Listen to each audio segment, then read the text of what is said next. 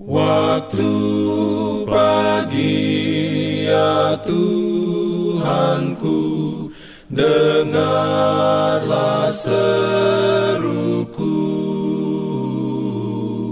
Melayang doa yang sungguh Memandang padamu. Selamat pagi pendengar Radio Advent Suara Pengharapan Mari mendengarkan suara Tuhan melalui tulisan pena inspirasi Yesus, nama di atas segala nama.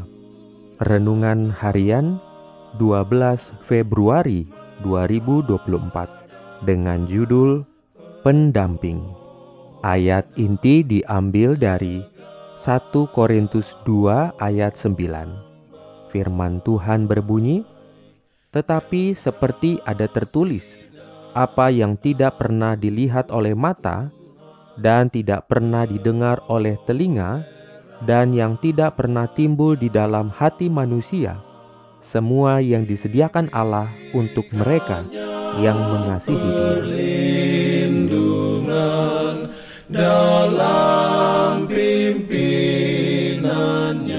dalam sebagai berikut.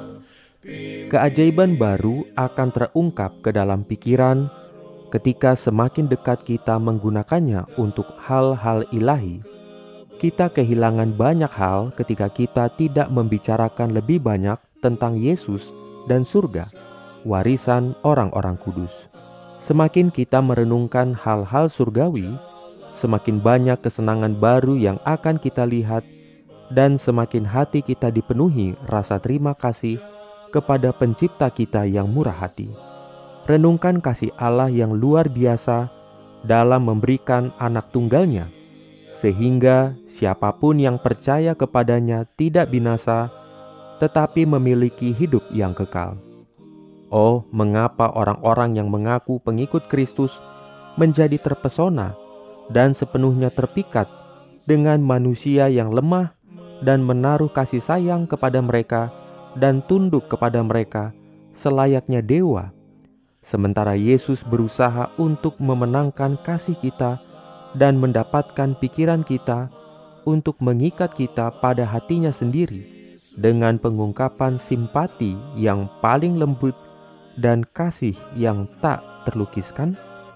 Tidak ada orang tua di bumi yang memohon dengan lebih sungguh-sungguh bagi anak yang bersalah selain daripada yang dimohonkan Kristus bagi kita di hadapan tahta Bapaknya sementara kita adalah pelanggar hukumnya. Tidak ada bibir manusia yang pernah memberi bujukan yang lebih lembut kepada yang bersalah. Maka, perhatikanlah bagaimana engkau memperlakukan kasih yang luar biasa ini. Bacalah janji-janji Tuhan yang kaya, dan percayalah, renungkanlah hal itu.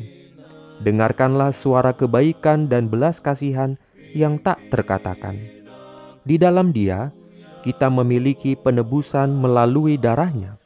Sebanyak yang dipimpin oleh Roh Allah, mereka adalah anak-anak Allah. Potong sulurnya, jangan biarkan mereka terlilit pada hal-hal duniawi, tetapi biarkan mereka terlilit pada hal-hal tentang Tuhan. Engkau tidak akan pernah kesepian, tidak akan pernah merasa bahwa engkau sendirian jika engkau mau menerima Yesus sebagai pendampingmu dan sahabat abadimu.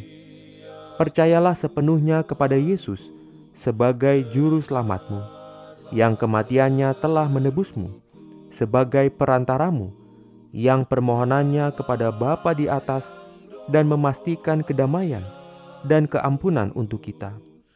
Nama kita terukir di telapak tangannya sebagai Raja kita yang kepadanya kita harus memberikan ketaatan yang penuh hormat dan kasih sayang.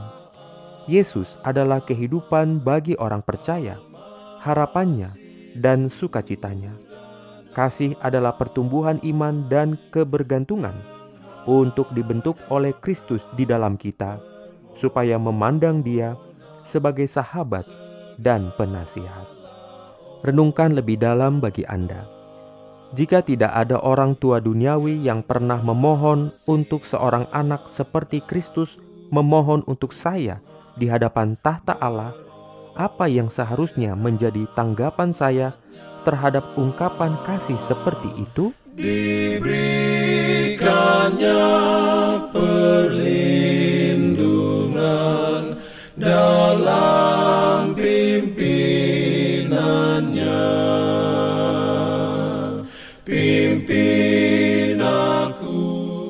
Jangan lupa untuk melanjutkan bacaan Alkitab sedunia. Percayalah kepada nabi-nabinya yang untuk hari ini melanjutkan dari buku Yeremia pasal 15. Selamat beraktivitas hari ini. Tuhan memberkati kita semua. jalan kewajiban, jalan.